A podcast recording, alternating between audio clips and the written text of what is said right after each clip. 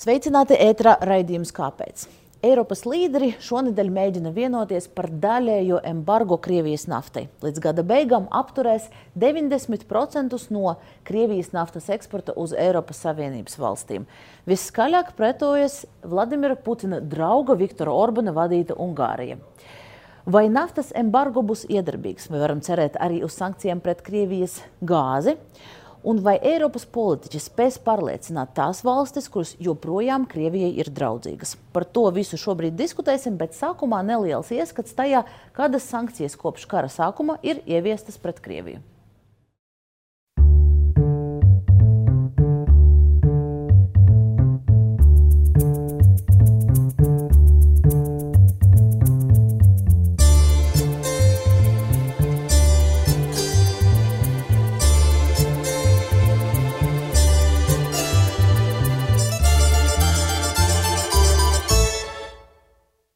Kopš pilnā mēroga iebrukuma Ukrainā rietumvalstis pret Krieviju nosaka arvien stingrākas sankcijas, un pat labi, Krievija ir kļuvusi par starptautiskajām sankcijām visvairāk pakļauto valsti pasaulē. Sankcijām pakļauti gan atsevišķi Putinam lojālie cilvēki, gan Krievijas ekonomika un rūpniecība. Īsumā sankcijas pret Krieviju ir šādas. Eiropas Savienībā aizliegtas transakcijas ar Krievijas un Baltkrievijas centrālo banku vai jebkuru institūciju, kas darbojas to uzdevumā. Iesaldētas Krievijas centrālās bankas rezerves 630 miljārdu dolāru apjomā. Sekas Sakotnēji rublis zaudēja vairāk nekā piekdaļu savas vērtības, neskatoties uz to, ka valūta atkopusies, inflācija valstī tuvojas 20%. ASV aizliedza Krievijai izmantot valūtas rezerves no ASV bankām. Lielākas Krievijas bankas ir atslēgtas no starptautiskās SWIFT sistēmas. ASV, Eiropas Savienība un Lielbritānija ir ieviesušas sankcijas pret vairāk nekā tūkstotu personām. Sankcionēti gan cilvēki, gan uzņēmumi. Starp tiem ir Kremlim tuvie oligarhi, piemēram, Romans Abramovičs, Krievijas politiskās elites pārstāvji un viņu ģimenes locekļi, piemēram, Vladimira Putina pilngadīgie bērni un ārlietu ministrs Sergeja Lavrova radinieki. Vairāk nekā 1000 uzņēmumu ir pārtraukuši darbu Krievijā, ieskaitot McDonald's, Starbucks, Marks Spencer. Lielbritānija, Eiropas Savienība un ASV aizlieguši pārdot Krievijai tās augtā dubultā pielietojuma preces - ierīces, kuras var izmantot gan civiliem, gan militāriem mērķiem. Krievijas aviokompānijas nedrīkst ielidot Eiropas Savienības, Kanādas un ASV gaisa telpā. Gaisa telpa slēgta arī Krievijā reģistrētām lidmašīnām un lidmašīnām, kuras pieder vai kuras pārvalda Krievijas uzņēmumi vai cilvēki. ASV un Eiropas Savienības valstis aizlieguši luksusa preču eksportu uz Krieviju. Noteikts embargo ogļu importam, sankcijām ar izņēmumiem pakļautas naftas kompānijas Rosnefts, Transnefts un Gazpromnefts. Un studijā mums ir pievienojušies NATO Stratkom centra eksperte Elīna Lange un Natamišvili. Sveiki! Labdien! Ministru prezidenta parlamentārā sekretāra Evika Siliņa. Labdien! Labdien. Delfi ārzemju nodaļas žurnālists Toms Džigulis. Sveiks! Labdien! Enerģētikas eksperts Juris Ozoliņš. Un arī Saimnes Eiropas lietu komisijas priekšsēdētāja Marija Golubeva. Nesen, nesen bijusi pie mums kā iekšlietu ministra, un tagad ir arī jaunajā amatā. Attālināti ģeopolitikas pētījumu centra direktors Māris Anģāns. Sveiki! Labdien! Un tad sāksim arī ar to galveno, ar daļējo Krievijas naftas embargo.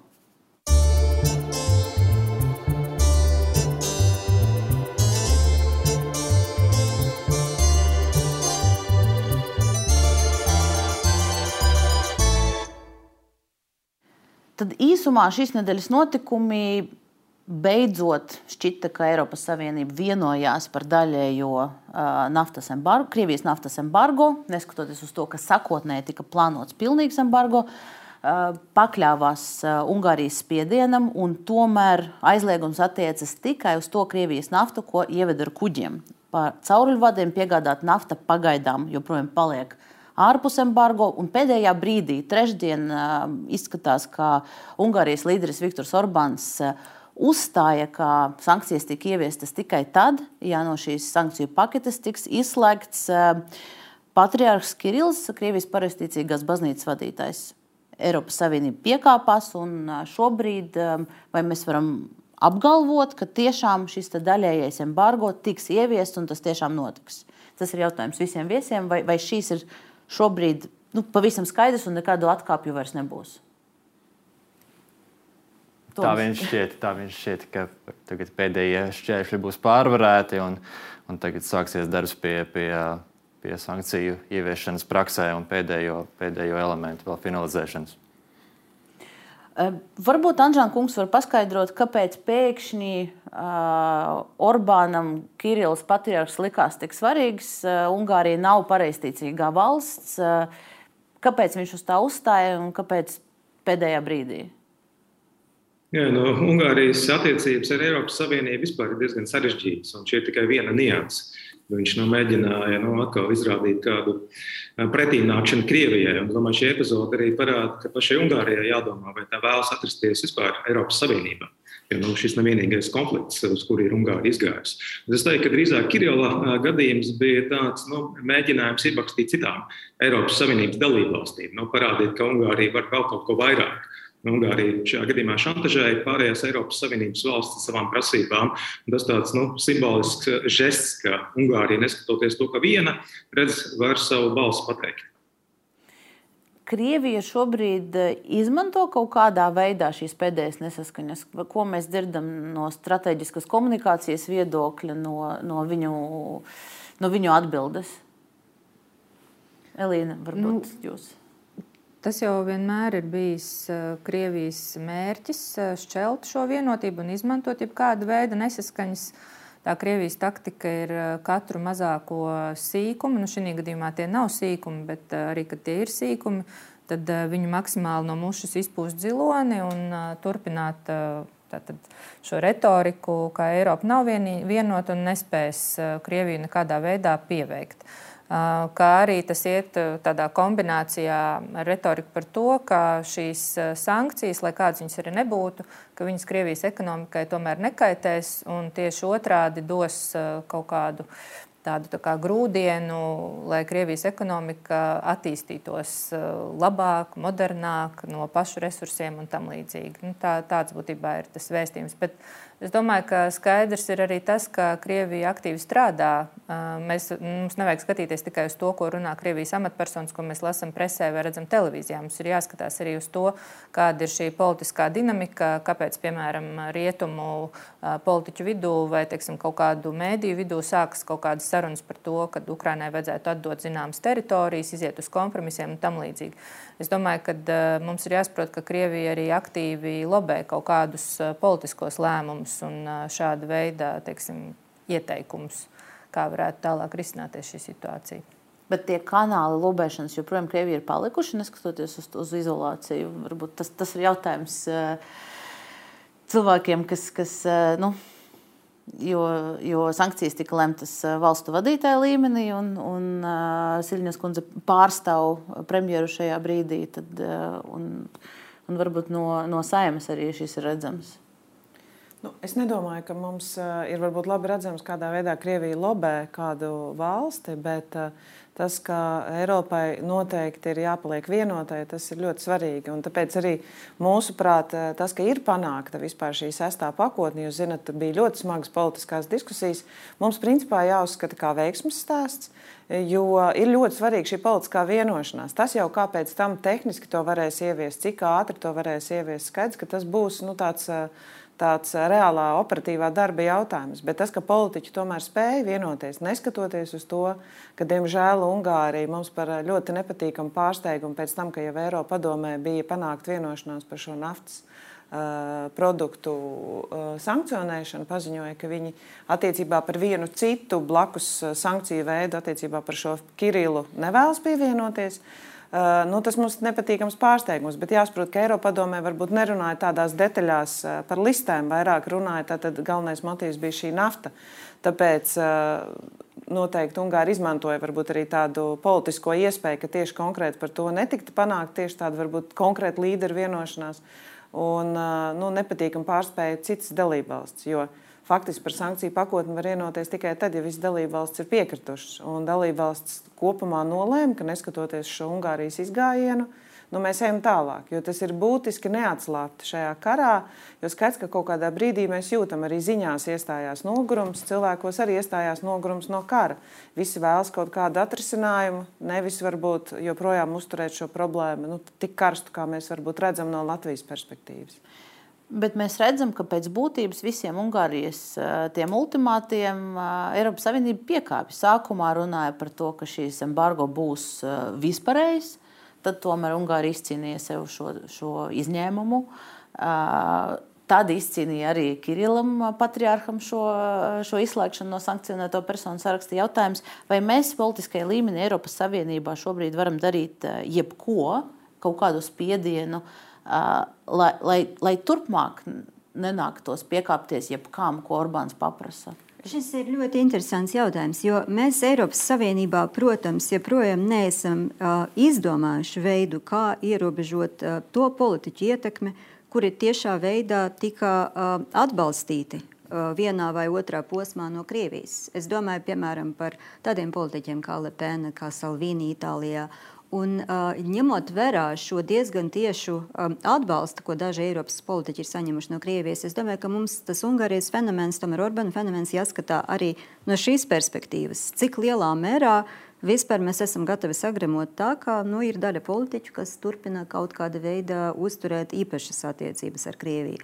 Un šajā gadījumā man liekas, ka mēs redzam neparprotami, ka Eiropas arhitektūra diemžēl ļauj Orbanam šāda veida ultimātus mums visiem piestādīt, ja, ka, ja, viņ, ja, ja viņam nedos ļoti īpašas uh, izņēmumus, piemēram, ka caur cauruļvadiem var turpināt saņemt uh, Krievijas naftu, tad vispār nebūs sankciju pakotne. Uh, Bet arī pēc tam atnākt vēlreiz un teikt, un, jā, un tad lūdzu izņemiet vēl to Kirillu no saraksta. Un pēc būtības nav svarīgi, vai tajā vakarā viņam piezvanīja vai nepiezvanīja no Maskavas. Man liekas, šis nav principiāls jautājums. Tas, kas ir svarīgi, ir, ka viņš turpina konsekventi lobēt savas īpašas attiecības ar Krieviju kā savu kā leģitīmu izvēli, un Eiropas Savienība bez savas specifiskas arhitektūras ir spiesta ļaut viņam to darīt. Tad, tad uh, mēs nevaram neko darīt, bet vai, vai, vai Latvija var kaut kā citādāk šobrīd rīkoties? Es, protams, ka Latvija šobrīd dara diezgan daudz un ir starp tām valstīm, kas pieprasa visstingrākas sankcijas, bet varbūt uh, gan, gan Anģēnam kungam, gan, gan mūsu kolēģim Tomam ir, ir uh, kaut kāda. Uh, kaut kādas idejas, kā Latvija stingrāk varētu vēl iestāties pret to pašu Ungāriju, kaut kādu paziņojumu, vai, vēl, vai kaut kas no mūsu puses trūkst?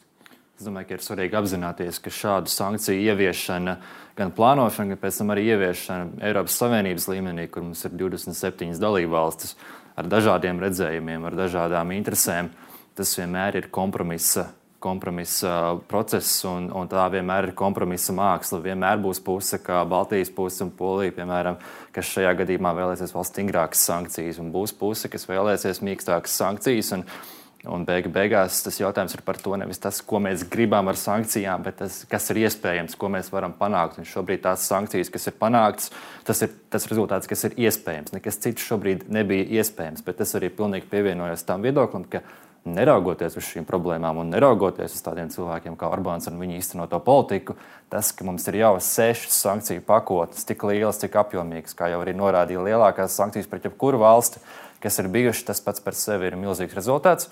Un to nedrīkst nenovērtēt. Tas, ka mēs gribam vēl labāk, absolūti, bet jau ir izdarīts ļoti daudz, un, un, un tas ir apsveicami pats par sevi. Es tikai gribēju piebilst, ka šeit ir arī jāsaprot, ka viena lieta ir gribēšana un tās expectācijas, kas arī sabiedrībā tiek celtas. Bet Otra lieta ir nu, tā reālā varēšana, jo, ja gadu desmitiem tā energopolitika ir bijusi, kāda viņa ir bijusi, tad uh, mums ir arī jāsaprot, ka ir reālas lietas, ko var izdarīt, bet ir lietas, kuras nevar izdarīt, un viņas prasīs laiku. Un tas arī ir jāpaskaidro sabiedrībai un, un jāņem vērā, kad mēs apspriežam tos jautājumus. Jāņem vērā arī, ka Ungāri varbūt Latvijas presē vairāk parādījās arī saistībā ar Kirillu, bet Ungāri nebija vienīgie, kas prasīja izņēmumu no šī caurvadu naftas produktu uh, piegādes. Tie bija arī Slovā. Arī Slovākiem ir problēmas austriešiem, Čeh, Čehslova, Čehijai. Līdz ar to Ungāri varbūt parādījās vairāk saistībā ar šo Kirillu. Bet ko Eiropa jau tagad dara? Nu, es varu tikai atgādināt, ka viņiem rekonstrukcijas attīstības plāna finansējums joprojām nav piešķirts. Polijai, pieņemsim, tas ir piešķirts. Tā kā Eiropai ir savi instrumenti, bet, protams, nu, Ungāri ļoti atklāti parāda, kāda ir viņa pozīcija. Es domāju, arī citas dalībvalstis to redz. Tā ir tāda politika. Viņi vairs nevar noslēpties. Nu, ja es pareizi saprotu, tad Ungārija ir vienīgā, kas ir saņēmusi šo beztermiņa iz, iz, izņēmumu. Pārējām valstīm ir pārējais periods, bet Ungārijai vēl šis tikai priekšā šī, šīs sarunas. Un es gribēju Ozoliņu kungu iesaistīt. Uh, nu, vai ir tā, ka Ungārija tiešām ir objektīvi iemesli, kāpēc viņa nevar šobrīd uh, pie, pievienoties šim embargo, vai šis ir tikai politisks? Nu, es domāju, ka premjeri vai valstu vadītāji, kas aizbrauc uz uh, samitu un uh, sāk runāt par uh, embargo, kas, protams, ir augstākā pakāpe visāda veida sankcijām, pilnīga izslēgšana, nebija nesagatavoti. Viņi ļoti labi apzinājās, kas ir viņu valstīs, kuras viņa, kur, kur viņa atbild par ekonomikas attīstību, kāda ir infrastruktūra, kāda ir ekonomikas struktūra. Un Es domāju, visi pietiekoši labi zināja, ka Ungārijā reģistrēta privātā naftas kompānija MOL, MOL. Eh, viņai pieder trīs eh, rafinērijas vai naftas pārstrādes rūpnīcas trijās valstīs. Horvātijā, Ungārijā un eh, Slovākijā, un vēl divas ķīmiskās naftas rūpnīcas. Tātad ļoti svarīgs elements centrāla Eiropas apgādē, lai ekonomika vispār funkcionētu. Ekonomikas asinis. Un, uh, tas, ko eh, Orbāns iebilda, tas jau nebija nevienam, kas bija racionāli sagatavots uh, šim lēmumam. Tas nebija pārsteigums. Jo viņam bija ļoti vienkārši pateikt, ja mēs pārtraucam pilnīgi naftas piegādes no Krievijas, tad uz Ungāriju, uz šīm trim lielām rūpnīcām ceļa nav. Trūks daži cauruļu vadu elementi, kas nav eh, nobeigti mūsu kopējo interešu projektā, un tas arī bija tas viņa kā teikt, bargaining chip vai, vai, vai kārts, ko viņš teica. Nu, tad, kad mēs visi kopā to izdarīsim, tad uz priekšu. Es domāju, ka tas uh, tika sasniegts maksimālais rezultāts, ko varēja sasniegt. Nav turpat vērts tagad vairāk runāt par Eiropas Savienības uh, nu, teikt, vienotību vai nenotību. Vienotību var demonstrēt tad, kad ir sagatavoti apstākļi. Un tas pašlaik notiek naftas industrijā mēs redzam, esam tikuši tālu, tūlīt mums būs priekšā gāze un absolūti tie paši praktiskie jautājumi. Nu, man gan jāsaka, ka vienā no, no interneta un Twitter diskusijām Golbevs kundze gan teica, ka nepiekrīt Latvijas ārlietu ministrijas nostājai nu, nekritizēt skaļi Orbānu un Ungāriju, ka jūsuprāt ir kaut kā citādi mums ir jārīkojas. Nu, mēs esam bijuši kā valsts diezgan piesardzīgi pozīcijā pret Ungāriju vairākus gadus pēc kārtas. Un, manuprāt, mēs redzam, ka šī argumentācija, ka mums jārespektē Ungārijas nacionālas intereses, nu, tā īsti vairs neiztur kritiku, jo pašlaik, piemēram, patriārha Kirila izņemšana no sankciju saraksta noteikti nav Ungārijas nacionāla interese. Tā ir vienkārši Orbāna kunga patvaļa, ņemot vērā to, cik plašu varas bāzes konsolidāciju viņš ir panācis pēdējos gados. Un, diemžēl es pie, pilnīgi piekrītu, ka Ungārija tiešām nav iespējas jūras piegādes nodrošināt ar, ar, nu, teikt, ar jūras piegādēm nodrošināt naftu no citiem avotiem. Bet tā pašā laikā tā arī bijusi ilglaicīga apzināta izvēle tādu infrastruktūru veidot, turpināt izmantot družba cauruļvādu no Krievijas. Un tagad tās pārstrādes rūpnīcas, kuras var atļauties no cauruļvādiem turpināt saņemt un pārstrādāt Krievijas naftu, viņam būs milzīga peļņa. Par to raksta Politico un, un vairākas citas, eh, vairāki citi eksperti. Un pilnīgi noteikti Orbanam būs vēl vairāk naudas, lai turpinātu uzturēt savu kursu Ungārijai, savu kursu uz autoritārismu. Bet ko tad mēs varam darīt? Ja, ja nu, jūs kritizējat to ārlietu ministrijas nostāju, tad kā, kādai tam būtu jābūt? Tagad? Nostāties ļoti kritiskā pozīcijā un Eiropā visādi atbalstīt to, ka nepieļaut, piemēram, atjaunošanas un noturības fondu nekādu izmantošanu Ungārijā arī nākotnē, kamēr nemainās šis politiskais kurs. Un uh, visos pārējos jautājumos, kur, kur tiek pacelts uh, jautājums par uh, tiesiskumu, par cilvēktiesībām, par, par, par likuma varu, uh, Eh, kuru Ungārija diezgan būtiski ierobežo. Mums jābūt starp tām valstīm, kas stingri kritizē šo Ungārijas politiku. Mēs varētu to darīt. Mēs jau esam, manuprāt, to, mēs jau to darām. Manuprāt, nu, Mēs esam atbalstījuši, man liekas, bija vēl mums tāda, pirms kaut kāda laika premjeras bija parakstījis preses paziņojumu, savienojoties ar pārējām Eiropas valstīm, kur Ungārijas cilvēktiesību tiesību Um, noliekšanu un to, tas, kas notiek Ungārijā, uh, kritizēja. Tā kā, manuprāt, mēs diezgan aktīvi to arī darām. Skaidrs, ka viens, viens preses paziņojums diez vai ir, ir tādas. Nu, kā jūs domājat, kā panākt, kā panākt vienotas lēmumus Eiropā? Skaidrs, ka uh, Eiropas politiķi uh, diez vai ļaus Ungārijai viņu šantažēt ilgstoši. Tā kā rekonstrukcijas attīstības fonds ir viens no tiem instrumentiem un skatīsimies, kā tas attīstīsies tālāk. Jo, nu, pārējās valstis jau noteikti nebūs gatavas uh, darīt kaut ko vairāk, ja kāda valsts varēs uh, tai pašā laikā gūt peļņu. Jo mums jau visiem ir jādomā par savu iekšējo politiku tieši tāpat. Mums ir jādomā par to, lai mūsu ekonomika neciestu vairāk, tā pašā laikā, ja kāda mūsu kaimiņu valsts varbūt vēl no tā gūst peļņu. Tā kā tas ir tāds nianses politiskajā līmenī, kur nu, politiķi, nu, politiķiem būs jādomā, kādā veidā uh, nu, ierobežot šo Ungārijas varbūt tādu patvaļu turpmāko. Bet Latvija, cik saprotu, tas, ko mēs varam kā Eiropas Savienība darīt, ir uh, pret, pret, pret, pret ultimātu izvirzīt Ungārijai, ka, lūk, ja jūs turpināsiet, rīko, turpināsiet rīkoties šādi, jūs nesaņemsiet finansējumu no, no Eiropas Savienības puses saviem, savai attīstībai. Latvija šobrīd uh, virza šādu priekšlikumu. Tas ir kaut kas, ko mēs varam pateikt, ka jā, mēs to piedāvājam. Tas ir kopējs Eiropas lēmums. Latvija noteikti viena pati neko tādu nevar aizvirzīt. Mēs vienmēr, ja mēs esam Latvija kaut ko virzījuši, vai mēs nu, jā, mēs vienmēr šo? sameklējam arī pārējās dalībvalstis, kas var. Šobrīd? Es nevarēšu atbildēt par tādu konkrētu tehnisku līmeni vai notiek kaut kāda vēstules sagatavošana, bet es viennozīmīgi zinu, ka Latvija ir viena no aktīvākajām valstīm, kas uztur jautājumus vispār par sankciju turpmāku ieviešanu. Tā kā, nu, manuprāt, mums nevajadzētu sev uh, kaisīt pelnus uz galvas tajā brīdī, kad tiešām tas nav jādara. Es eh, Anžēnu kungu vēl gribēju iesaistīt, attālināti. Eh, vai, vai jums ir komentārs par, par, par Latvijas pozīciju un par to, ko mēs vēl varam izdarīt eh, Ungārijas sakarā? Un tad mēs runāsim par, par, par turpmākajām iespējamām sankcijām. Jā, nu es arī piekrītu viedoklim, ka Latvijai būtu jādara vairāk. Ir mazām valstīm, protams, iespējas ir ierobežotas, vara ir neliela, bet ir spēcīgs morālais aspekts. Tad no, mazās valsts bieži vien iet avangardā, kas nu, aizsāk kādu kustību vai sankcijas vai ko citu. Latvijai būtu jābūt asākai pret Ungāriju. Būtu vairāk jārunā par tām lietām, kur Ungārija nu, nedara tas, kas ir jādara visām Eiropas Savienības dalībvalstīm.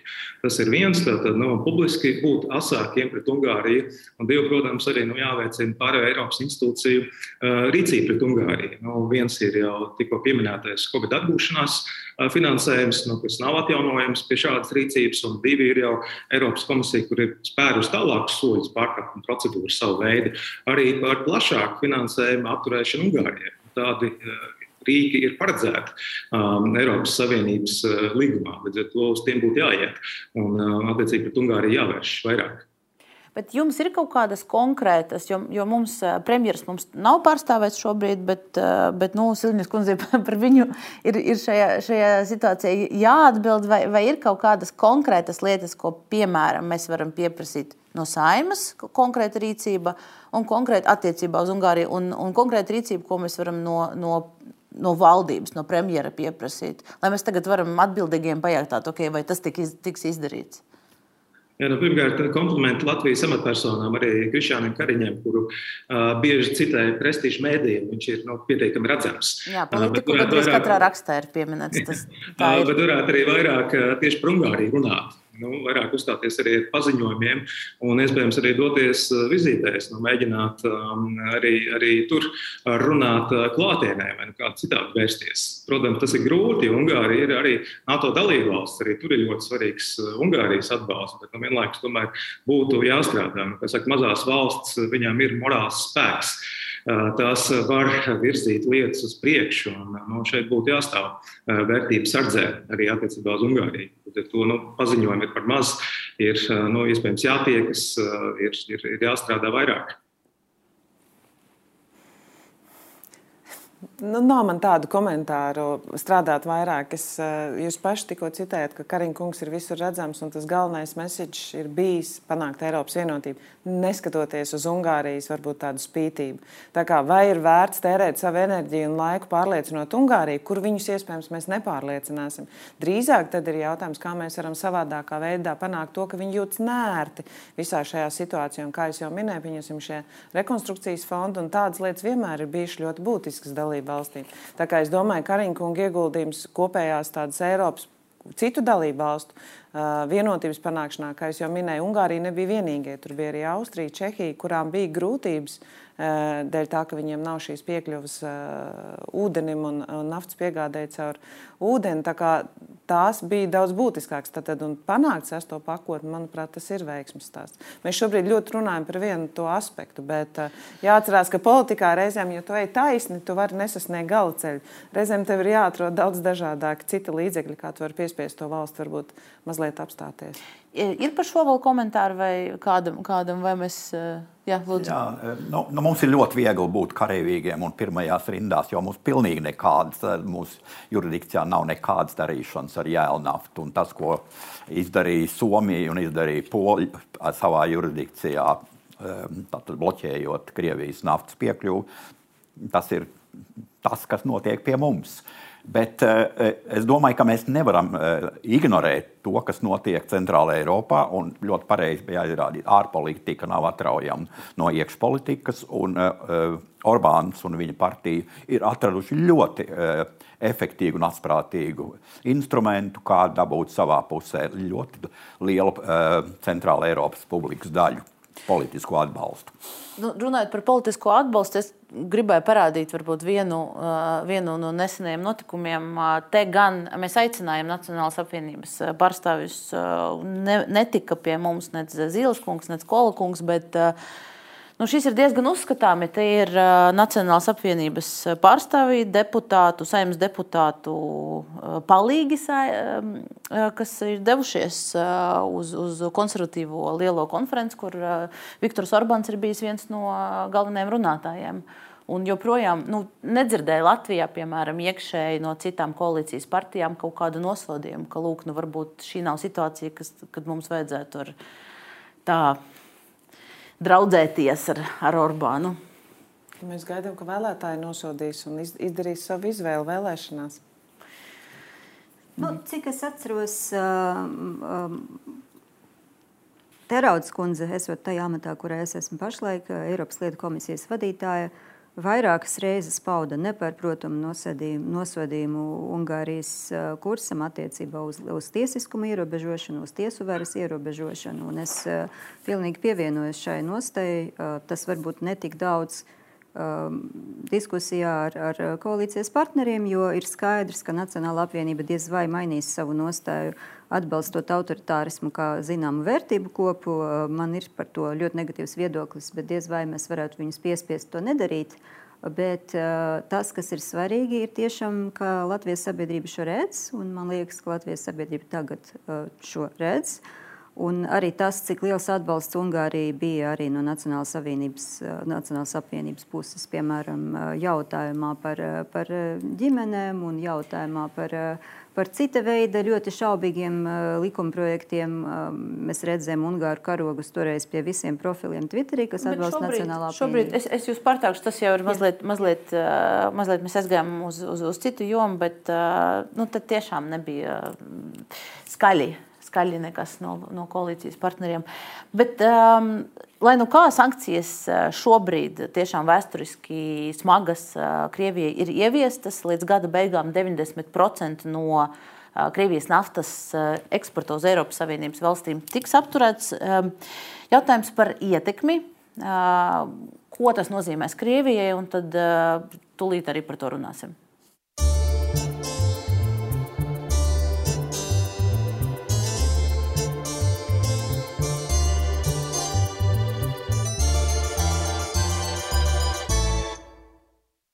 Tikko ir pienākušas ziņas ziņu aģentūrās, ka Eiropas Savienības kārtējā šī pakete pret Krieviju ir apstiprināta. Tas ir jau noticis fakts šobrīd. Un, um, Komentējot šo, Francijas līderis Makrons teica, ka pēc būtības naftas embargo ir divi mērķi. Viens ir tiešām mazināt atkarību no Krievijas enerģijas avotiem, un otrs ir panākt to, lai Kremlis vairs nevarētu finansēt karu. Un ar šo jautājumu mēs versimies pie viena no tādiem pazīstamiem Krievijas ekonomistiem, Nikolai Kulbakas, un prasījām viņam, vai iepriekšējās sankcijas jau ir uh, iedarbojušās un kāpēc nē, un kas notiks arī pēc šī lēmuma apturēt Krievijas naftas uh, importu Eiropas Savienībā. Varam noklausīties pāris minūtes no viņa intervijas. Uh, tur ir gan viņš, gan, gan arī viņa maidzīvnieks tajā video brīdinu. Сейчас очень многое покажет, наверное, июнь потому что сейчас потихонечку, похоже, начали окончательно уходить многие зарубежные компании.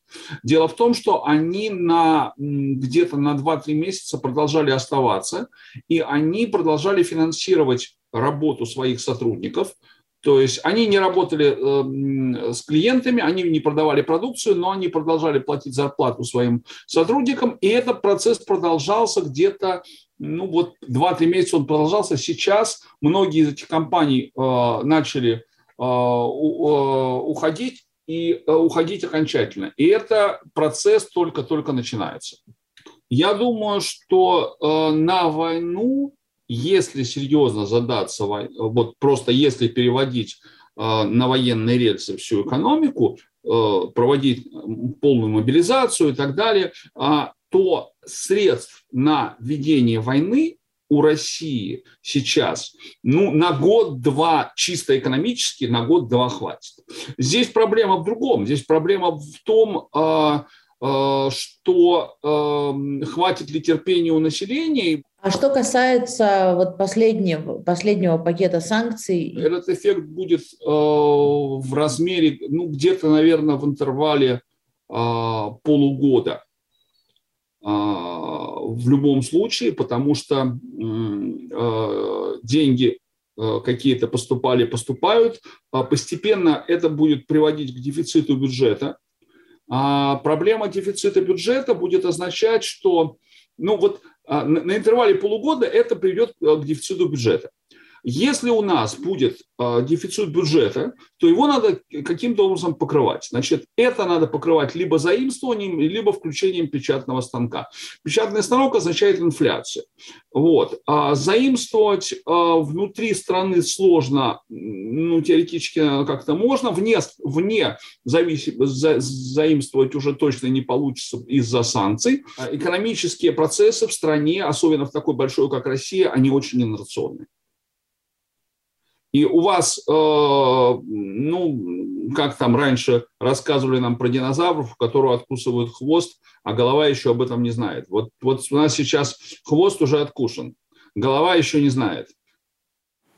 Tātad karam Krievijai pietiek, pietiks naudas vienam, diviem gadiem, un sankcijas, ja mēs uh, rēķinam iestāšanos gada beigās, pu, efektam nepieciešams pusgads, pēc gada mēs varēsim redzēt, jautājums, varēsim redzēt efektu jautājums, ko Krievija pa šo laiku nu, var izdarīt, ir gads. Nu, droši vien, ka tas jāskatās ir ne tikai šajā sankciju kontekstā un ekonomiskās ietekmes kontekstā, jāskatās arī kontekstā ar to, kāda veida, jo sevišķi militārā palīdzība tiek sniegta Ukrainai. Un arī droši vien liels jautājums ir, cik veiksmīga būs tieši Amerikas diplomātija. Uh, konkrēti ar naftas eksportētāju valstu apvienību, kādā veidā mēs varēsim aizstāt šos energoresursus, no kuriem mēs atsakāmies, vai tas var notikt ātrāk, efektīvāk un tam līdzīgi. Tā kā es domāju, tas ir tāds nu, kombinēts jautājums. Bet jā, nu par sankcijām tā eksperti saka, ka teiksim, Krievija šobrīd vēl, izņemot atsevišķas nozares, nejūt vēl šīs, šos efektus. Arī attiecīgi rublis mākslīgā veidā tiek stabilizēts, arī inflācija tiek piebremzēta vismaz šobrīd salīdzinoši ar to, kā tas bija aprīlī. Un, jā, viņiem ir arī iekšējie resursi. Kā, tā, tur ir to jāskatās kombinēti, es teiktu. Un arī Krievijas propaganda sa savu, savu tautu negatavo kaut kādai krīzē un stāsta, ka viss ir kārtībā. Nu, tie galvenie vēstījumi tādi ir, jā, ka mēs tiekam galā un viss būs vēl labāk nekā bija pirms tam. Bet šāda retorika jau bija arī pēc sankcijām, kas tika ieviestas 14. gadā. Vienkārši, kā jau tikko minēja eksperts, tad jautājums ir par to, cik tautai pietiks pacietības. Jo 14. gada sankcijas būtībā skāra tikai elite, oligarhus un neskāra parastos iedzīvotājus. Šobrīd Krievijā principā tas skar vai skars drīz pavisam visus. Jautājums no enerģetikas ziņas droši vien arī ir, ka tas, ko Krievija publiski sludina, viņi pacels cenas, attiecīgi pārdodot mazāk, bet uh, ieņēmumi tik un tā viņiem būs, un plus palielināsies apjomi, ko viņi pārdod Ķīnai, Indijai. Vai tas tā arī notiks, vai tas ir īstermiņa risinājums? Nu, mēs esam patiesā ekonomiskā karā ar Krieviju, asiņainā karā. Es, es tomēr uzsvēršu. Un tas, ko mēs pašlaik darām, un tas, kas notika ar, ar šo embargo, nesimtprocentīgā pieņemšana, ir nozīmē tas, ka Eiropa ir sagatavojusies šim karam. Tā ir, tas ir tas galvenais vēstījums. Mēs nevaram atteikties no Krievijas naftas, ja mums nav infrastruktūra. Un šajā pasākumā Francija, Vācija, tātad viņi ir savus ekonomikas sagatavojuši karam. E, e, kritizētie Makrons un Šolts bija vizītēs Āfrikā, Āzijā, e, Dienvidamerikā. Tika gatavoti pasaules tirgi, lai Eiropa funkcionētu bez Krievijas naftas un bez gāzes eh, tuvākajā nākotnē. Tātad tas ir mājas darbs, ir izdarīts. No mūsu puses. Tā ņemšanās ap, ap, ap jēdzienu Eiropas vienotība. Viņai nav nekāda praktiska nozīme priekš praktiskiem cilvēkiem, kā jau teicu. Centrāla Eiropā, kur ir nu, konkrēta lieta, eksakta, kur ir jānodarbojas ar investīcijām, un jāpārliecina publiku, ka, ka tas eh, Orbāna triks ar eh, eh, cenas grieztiem naftas produktiem no 31. maija ir ilgspējīgs un ilg, ilgstošs darbojums. Tur ir jāiegūst savas publikas atbalsts. Bet atgriežoties pie lielās bildes, viss tas, kas pašlaik no, ir redzams, redz, ka jau no pirmās sankciju kārtas ir bijis efekts ja, jau no pirmajām kara dienām pilnas jūras bija ar kuģiem, kuri nevarēja atbrīvoties no Krievijas izcelsmes vai īpašuma attiecībām gan no jēla naftas, gan no naftas produktiem. Tās ir bijušas sāpīgas. Kā redzam, pamazām ir palicis ļoti neliela daļa, kas vēl ir, būs eh, kādu brīdi atkarīga no Krievijas naftas piegādēm. Bet izskatās, ka pārējā Eiropas ekonomika ir tam gatava un eh, tūlīt būs arī gatava par gāzi. Bet pati Krievija, vai viņi? Nu, vai... Kas mums par viņiem? Nu, viņ, nu, viņiem jāsaprot, būs, vai, tiešām, būs, vai, vai šī ietekme būs jā, tik liela, kā mēs gribam. Grūti, Krievi ir pieraduši grūtības pārciest, eh, tad, ja cars eh, viņiem pavēl. Nu, skatīsimies. Bet... Bet ma, tikai jau pieminēt, makroekonomiskā problēma būs jānodarbojas ar naudas drukāšanu. Uh, Protams, viņiem ir draugi, vai tie, kas cer uz diskontu eh, naftas un gāzes tirgos. Indija, eh, kas spēlē tādu dubultu spēli, Ķīna, eh, bet tas nav, Krievija to nevar izdarīt īsā laikā. Tas nav tik vienkārši. Viss tas trakākais, kad sankcijas darbojās visās pasaules jūrās. Tā ir vēl trakāk. Sabiedrība piedalās šo sankciju vai sankciju pārkāpēju atmaskošanā.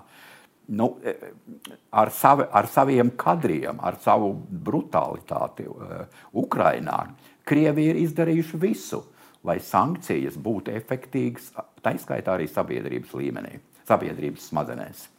Mēs gan redzam regulāri ziņas par to, kā tās sankcijas tiek joprojām apietas arī Eiropas Savienībā. Gan Grieķijas kuģi, kas piestāja pie Krievijas kuģiem un, un pārpumpē Jā, naftu. Tā, tāda gan, lieta notiek. Gan, gan arī Latvijā taisīt veidotais Latvijas maisījums, kur, kur gan Krievijas. Nu, tas, protams, bija tāds žurnālistu darba auglis, bet, bet tas arī parāda, ka publika nežēlīgi skatās uz sankciju iespējamiem pārkāpumiem. Protams, tas, ka mēs uzzinām, tas ir labi. Tas jau... ir ļoti labi, ļoti labi. Jā. Tas ir arī ierocis karā. Par, par nākotni runājot. Um, ir runa, kā šobrīd tiek spriests jau par nākamo septīto paketi. Un, uh, vakar uh, parādījās ziņa no, um, es varu parādīt, uh, no Lietuvas uh, vēstnieka Eiropas Savienībā. Viņš ir uh, uzrakstījis, kā nepieņēmami, ka ne visi ievēro vienošanos, kuru panākuši Eiropas līderi. Nepiekāpsimies, piedāvāja septīto sankciju paketi nosaukt KGB, Kirillis, Gāza un Bankas. Un tad tūlīt arī parunāsim par to, vai gāze tiešām, vai, būs, vai, vai gāze tur būs tajā nākamajā paketē.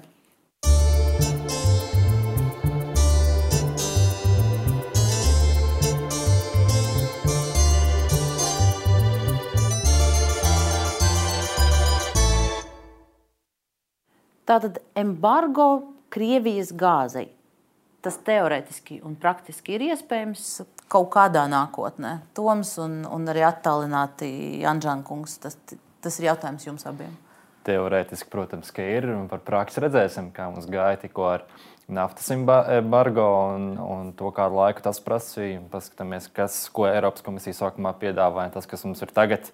Nu, mēs, mēs redzējām, cik grūti tas nāca, cik ilgi tas nāca, un kāda ir bijusi tam tā politiskā cena, un kāda ir tam visam apakšā politiskā griba un cīņa. Uh, Protams, es domāju, ka tas jautājums eventuāli tiks izskatīts, vai viņš būs iekšā 7, 8, 14 sankciju pakotnē. Jā, tas ir atklāts jautājums. Tik, tik daudz nevajadzēs. Mhm. Anžēlkungs, ir, ir jums ir versijas prognozes? Jā. Noteikti pie tā tiks strādāts, un es domāju, ka tas ir iespējams. Skaidrs, ka nevelti nav šajā paketē iekšā. Dabasgāze ir sarežģītāks eh, jautājums. Ir jāattīsta Eiropai LNG termināls, sašķidrinātās dabasgāzes termināli, un tas noteikti paņems vairāk laika ir valsts, kas ir ļoti atkarīgas. Nu, šeit īpaši Vācija jāpasvītro arī Itālija no Krievijas dabasgāzes, un tur tie lēmumi būs daudz grūtāki. Uh, un šeit noteikti var runāt arī par uh, pārējais periodiem, kas varētu būt garāki. Tad tās nebūs nu, gada beigas šīs, tas varētu būt nu, tādā ilgākā perspektīvā, divi, trīs, uh, četri gadi, varbūt ilgāk.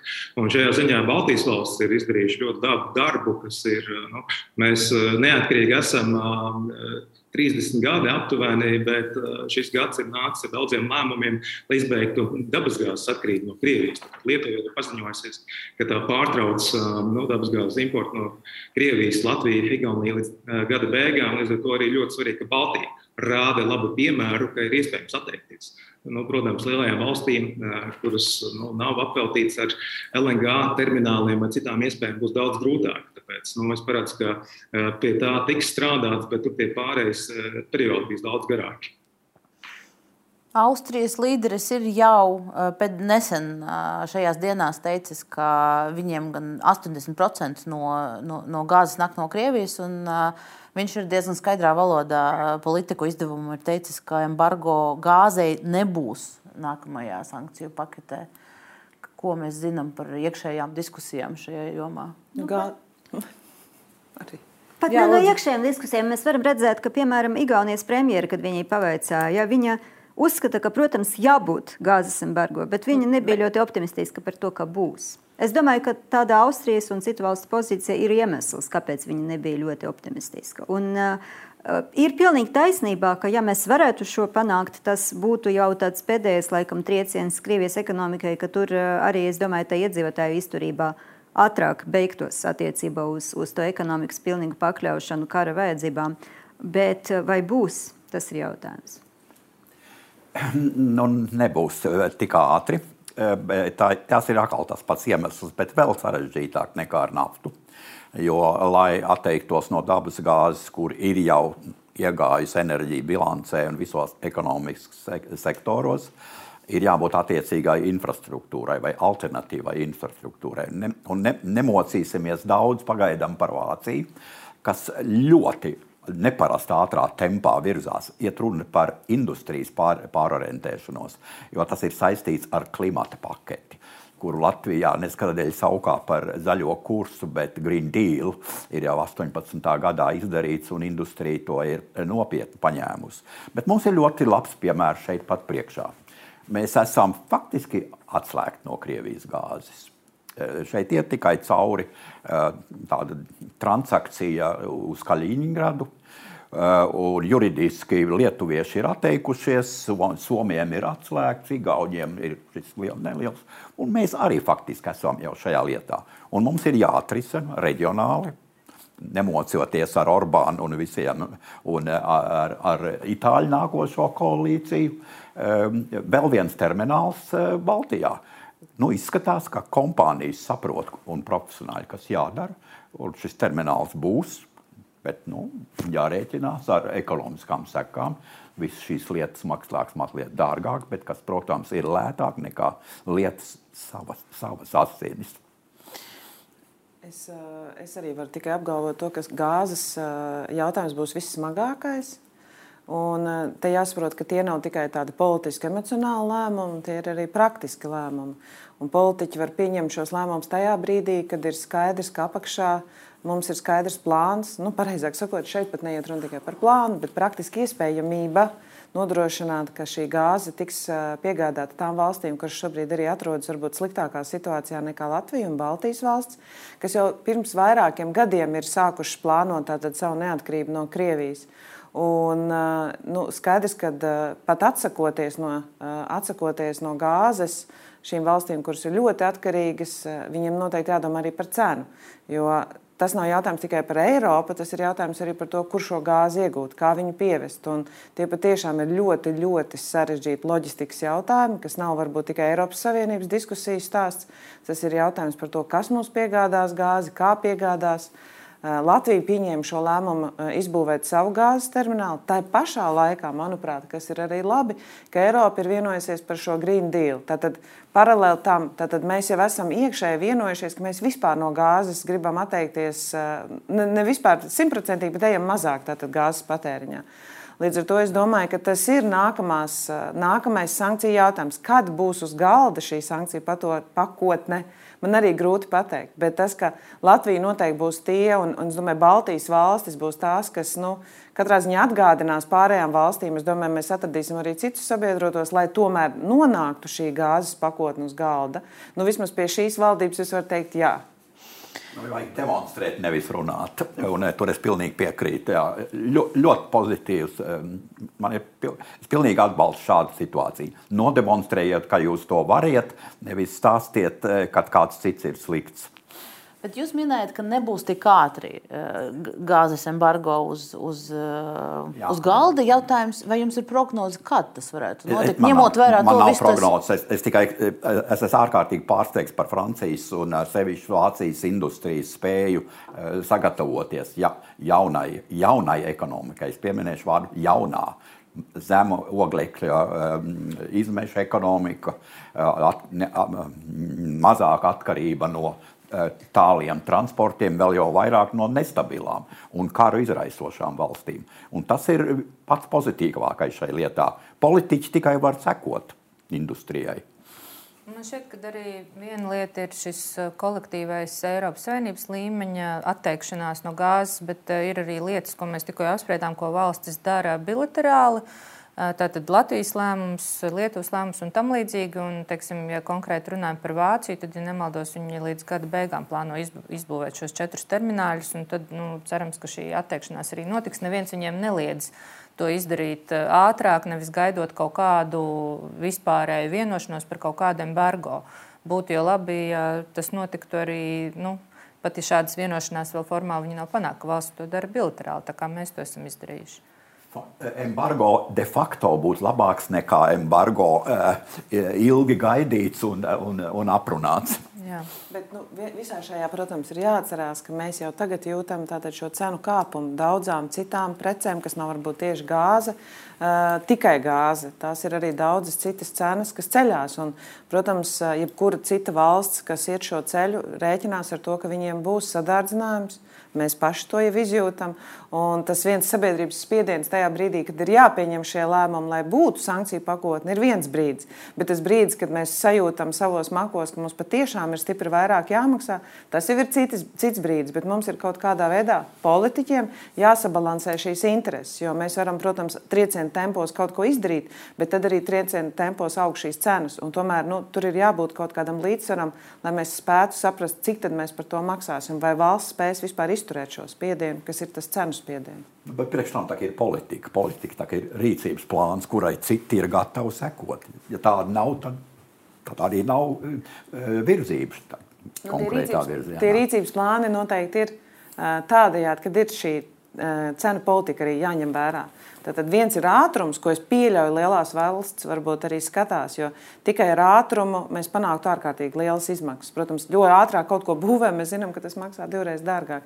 Arī tas ir jāņem vērā. Bet, kā jau es teicu, Latvija noteikti iestāsies par to, ka mums ir jāiet tālāk, jo tas ir arī visas Eiropas interesēs. Mēs, mums ir jāsaprot, ka tas dzelzs priekšsvars ar Krieviju ir slēdzies, un tas ir tuvākās, tālākās nākotnes jautājums, ka mums ir jābūt neatkarīgiem no Krievijas gāzes tuvākā vai tālākā nākotnē.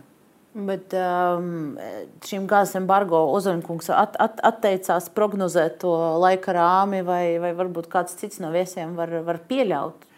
Nu, rīcības ātrumam ir izšķiroša nozīme, lai varētu runāt par embargo.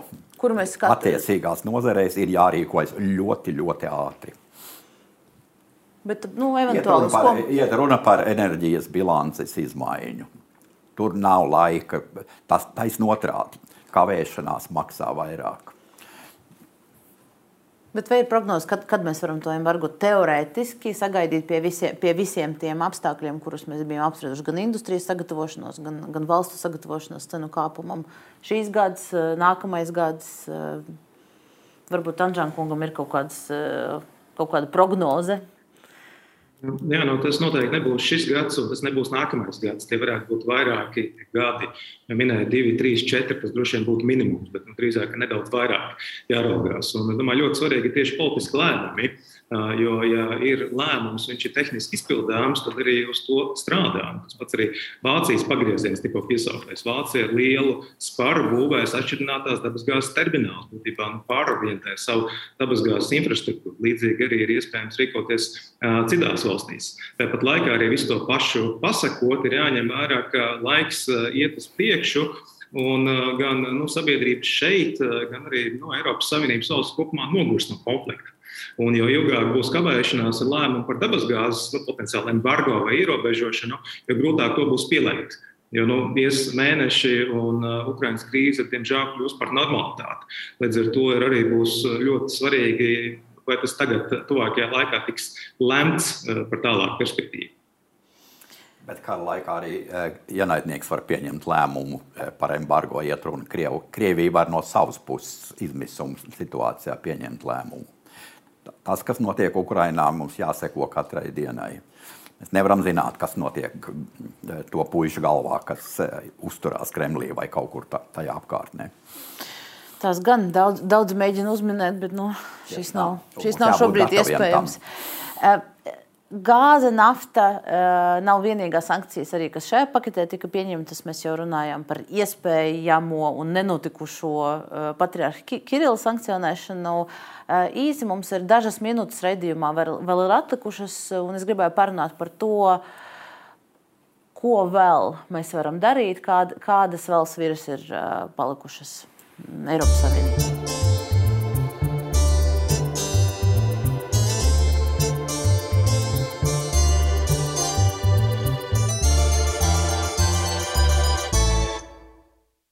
Šis ir atklāts jautājums īstenībā visiem viesiem. Ko, kas, kas ir vēl? No SWIFT ir atslēgta Sberbanka šajā pēdējā paketē. Tūkstots dažādu individu un uzņēmumu ir sankcionēti. Kas vēl ir atlicis no, no, no ārpus embargo, bet cita veida sankcijām? Nu, mums vēl jāturpina sargāt savu demokrātiju no, no hibrīda apdraudējumiem no Krievijas. Piemēram, tas, kas attiecas uz politiķiem Eiropā, kas ir saņemuši finansējumu no Krievijas. Es jau nosaucu šodien dažus, Lepena, Salvini un tā tālāk. Ko principā tā, principā tā nav ļoti pieļaujama situācija, kad brīdī, kad Krievija pēc būtības karo pret visu demokrātiju un pret Eiropu, Mēs, mēs turpinām paciest to, ka politiski turpina darboties mūsu valstīs cilvēki, kas saņem skaidru finansējumu no Krievijas. Nu, saņēmā šobrīd. Saņēmā, jā, bet tas, ir, bet tas ir bijis pietiekoši nesen, lai mēs, lai mēs par to būtu satraukti. Tad Un, piedāvājums, es pārtraukšu vienkārši, lai precizētu, tad jūsu piedāvājums būtu aizliegt tās partijas, kas kādreiz saņēmušas finansējumu no Krievijas? Vismaz runāt ar Eiropas valstu parlamentiem, ar, ar Eiropas valstu politiķiem par to savās politiskajās grupās par to, kāda veida instrumentus mēs varētu darbināt, lai turpmāk nepieļautu šāda veida politiķu darbošanos mūsu demokratiskajās valstīs. Vairāk smagos ieročus Ukraiņiem. Un tad tā spēle arī būs ātri galā. Tas gan cits, jā. Vēl droši vien jāskatās arī, kādā veidā Krievija, protams, jau tagad mēģina apiet šīs sankcijas. Uh, Un uz to ir jāfokusē maksimāla uzmanība, lai minimizētu šīs iespējas kaut kādā veidā dažas no šīm sankcijām mēģināt apiet. Ar. Piemēram, nu, piemēram teiksim, diezgan nesen arī Grūzija, diemžēl, nonāca preses uzmanības lokā ar to, ka varētu būt kaut kādas vienošanās un kaut kādi koridori, kādā veidā varētu teiksim, kaut kādas preču piegādes un, un, un tam līdzīgi veikt. Arī tas pats notiek ar Kazahstānu. Teiksim, tad, manuprāt, ir maksimāli jāmēģina novērst šādas iespējas Krievijai apiet šīs sankcijas. Anģēna kungs, man režija ziņo, ka, ka, jūs, ka jūs gribat piebilst arī kaut ko. Jā, nu nav daudz vairs rūmas palicis, ko var Eiropas Savienība un Rietuma darīt kopumā. Protams, ir ticis runāts par pilnīgu tirdzniecības aizliegumu, vēl par līdzīgām lietām, bet nu, tie ir maz ticami pavērsieni. Viens būtu, protams, tā pati dabasgāze, pie kā ir jāturpina strādāt par nu, ierobežošanu un potenciālu aizliegumu. Bet ļoti svarīgi ir strādāt arī pie ieviešanas sankcijas, kas tikko jau tika piesauktas, un tāpat arī pie jaunu partneru pārliecināšanas par pievienošanos sankcijām. Un, ja mēs paskatīsimies globāli, nu nav tā, ka visa pasaule ir pret Krieviju, nu, lai vai kā mums tas nepatiktu. Tās tad pamatā ir Eiropas Savienība un arī tuvējie partneri, tāpat arī nu, Ziemeļamerika, ASV, Kanāda, jā, arī Austrālija, Jaunzēlande, Dienvidkoreja, Japāna, Taivāna, eh, bet daudzas citas valsts jau nav pievienojušās. Nu, paliek neitrāls eh, vai nu, pat arī atbalsta Krieviju. Pēc arī Indija tika piesaukta, ar kur būtu vairāk jāstrādā. Eh, protams, nu, arī šīm valstīm nav vieglas izvēles, bet nu, tomēr būtu jāmēģina vairāk panākt citas valsts, lai pievienojas arī rietumu sankcijām pret Krieviju. Bet citādāk jāatcerās, jā, ka laiks iet uz priekšu un iespēja logi pamazām aizvērs. Un, uh, Krievija noteikti turpinās šķelt uh, Eiropas Savienību, uh, arī citus sabiedrotos, tāpēc jau pat perspektīvā iezīmēs to, kā noturēt pašreizējo vienotību un kā uh, no, nepieļaut to, ka tiek mīkstināts sankcijas tuvākajos mēnešos. Es arī noteikti pievienojos tam, ka viens ir pieņemts sankcijas, kas ir sarežģīts, ļoti solis, bet vēl sarežģītāk ir ieviešana. Tāpēc, ka ieviešanā ir ļoti daudz dažādu juridisku nianšu, šķēršļu, dažādas valsts. Un mums noteikti tas ir eh, sadarbības formāts starp dažādām Eiropas valstīm nu, jāuzlabo un arī starp citām valstīm, kuras varbūt tiešām ir tālāk no Eiropas, tālāk varbūt no Amerikas un uh, Anglijas, kas ievieš, Lielbritānijas, kas arī ievieš sankcijas. Mums jāuzrunā Ķīna noteikti ir, jo Ķīna mums ir ļoti nozīmīgs spēlētājs visā šajā politiskajā uh, jautājumā, jo viņi arī šobrīd vēro. Nav tā, ka viņi ir ļoti aktīvi pievienojušies pro-krieviski. Es domāju, tas ir ļoti liels tāds politiskais, jo jūs runājat, tas ir politiķis, politiskais jautājums, kur mēs varētu iegūt uh, kādu atbalstu. Un, protams, mums arī mūsu pašu uzņēmējiem, tiem, kas, kuriem ir jāporentē savi tirgi, jāpadara tas daudz ērtāks, lai nebūtu viņiem vēlme apiet šīs sankcijas un uh, dzīvot varbūt tādā domāšanas veidā, ka Krievija bija kaut kas labs un gaišs. Runājot par sankciju ie, ievē, ievērošanu, es, cik, cik es saprotu, joprojām nav atrisināts jautājums, vai tās valstis Eiropas Savienībā, kas ir maksājušas Krievijai rubļos par, par gāzi un piekāpušies tai prasībai, vai tas valstis nesīs arī nu, kaut kādu atbildību par to. Tā, tās nav valsts, tās ir kompānijas. Valdības netirgojās ne ar gāzi. Ne nu, ar tās gāzi. kompānijas. Nu, viņām bija acīm redzot ļoti svarīgi praktiski iemesli to darīt. Bet viņus tagad ja mēs sodīs, būtu, ja mēs būtu bijuši tādi, ja mēs Latvijā būtu bijuši tādi pionieri jautājumā par gāzes tirgiem, tad jau mēs būtu sen pateikuši, būtu jau daudz tālāk tikuši. Tā kā acīm redzot, līdzīgi kā mēs pārunājām par Centrālu Eiropu, ir praktiski kaut kādi apstākļi. Mums ir jāizprot mūsu partneri Eiropas Savienībā. neuzstāsimies uz naivo, vienmēr, vienmēr ātri, tā kā mēs vēlamies lēmumu pieņemšanu. Tā tas notiks. Eiropa virzās uz pilnīgi jaunu ekonomiku. Green Deal mēs jau pieminējām. Un tur būs pilnīgi citi sabiedrotie starptautiskajos tirgos. Par sankciju pārkāpšanu ir sots, tās ir sodāma darbība, to nosaka Eiropas direktīva. Bet noteikti ir. Bet, nu, pagaidām nav dzirdēts, tas, tas grūtums šo... tajā ir, ka tie līgumi ir individuāli un jāvērtē, ir, kas tajos līgumos ir rakstīts un kā ir izpildīts. Tas ir tas grūtais process, ko es teicu ieviešanā, jo visi gadījumi nu, nav vienādi, viņi atšķirās. Bet viennozīmīgi par sankciju pārkāpšanu Latvijā pieņemsim ir krimināla atbildība. Un ne visās Eiropas Savienības valstīs tā Jā. ir. Dažās tā ir, tas ir administratīvs pārkāpums. Šis Mums arī es pieņemu, ka ir jāmaina. Atšķiras likumdošana, es domāju, šajā ziņā. Jā. Nu, ar šo tādu ļoti tehnisko, tehnisko piebildi mums arī šī diskusija gan ir jābeidz. Ja vien kādam viesim nav vēl nozīmīga piebilde par to, ko mēs var, kā Eiropa, kā pasaule varam darīt, lai, lai ietekmētu Krievijas rīcību šobrīd. Uh, Nu, šķiet, ka visu esam izrunājuši. Un, uh, es, man jāpasakās mūsu viesiem. Paldies jums liels. Atgādināšu skatītājiem, ka mūsu raidījums ir redzams arī RTV ēterā atkārtojumā un arī audio versija podkāstu formā. Platformā Spotify, Apple ir arī klausāma. Paldies viesiem, paldies skatītājiem. Un Delfi TV atgriežas ēterā pirmdien. Raidījums Spriedra Delfi atgriezīsies un mēs tiekamies pēc nedēļas. Vislabāk!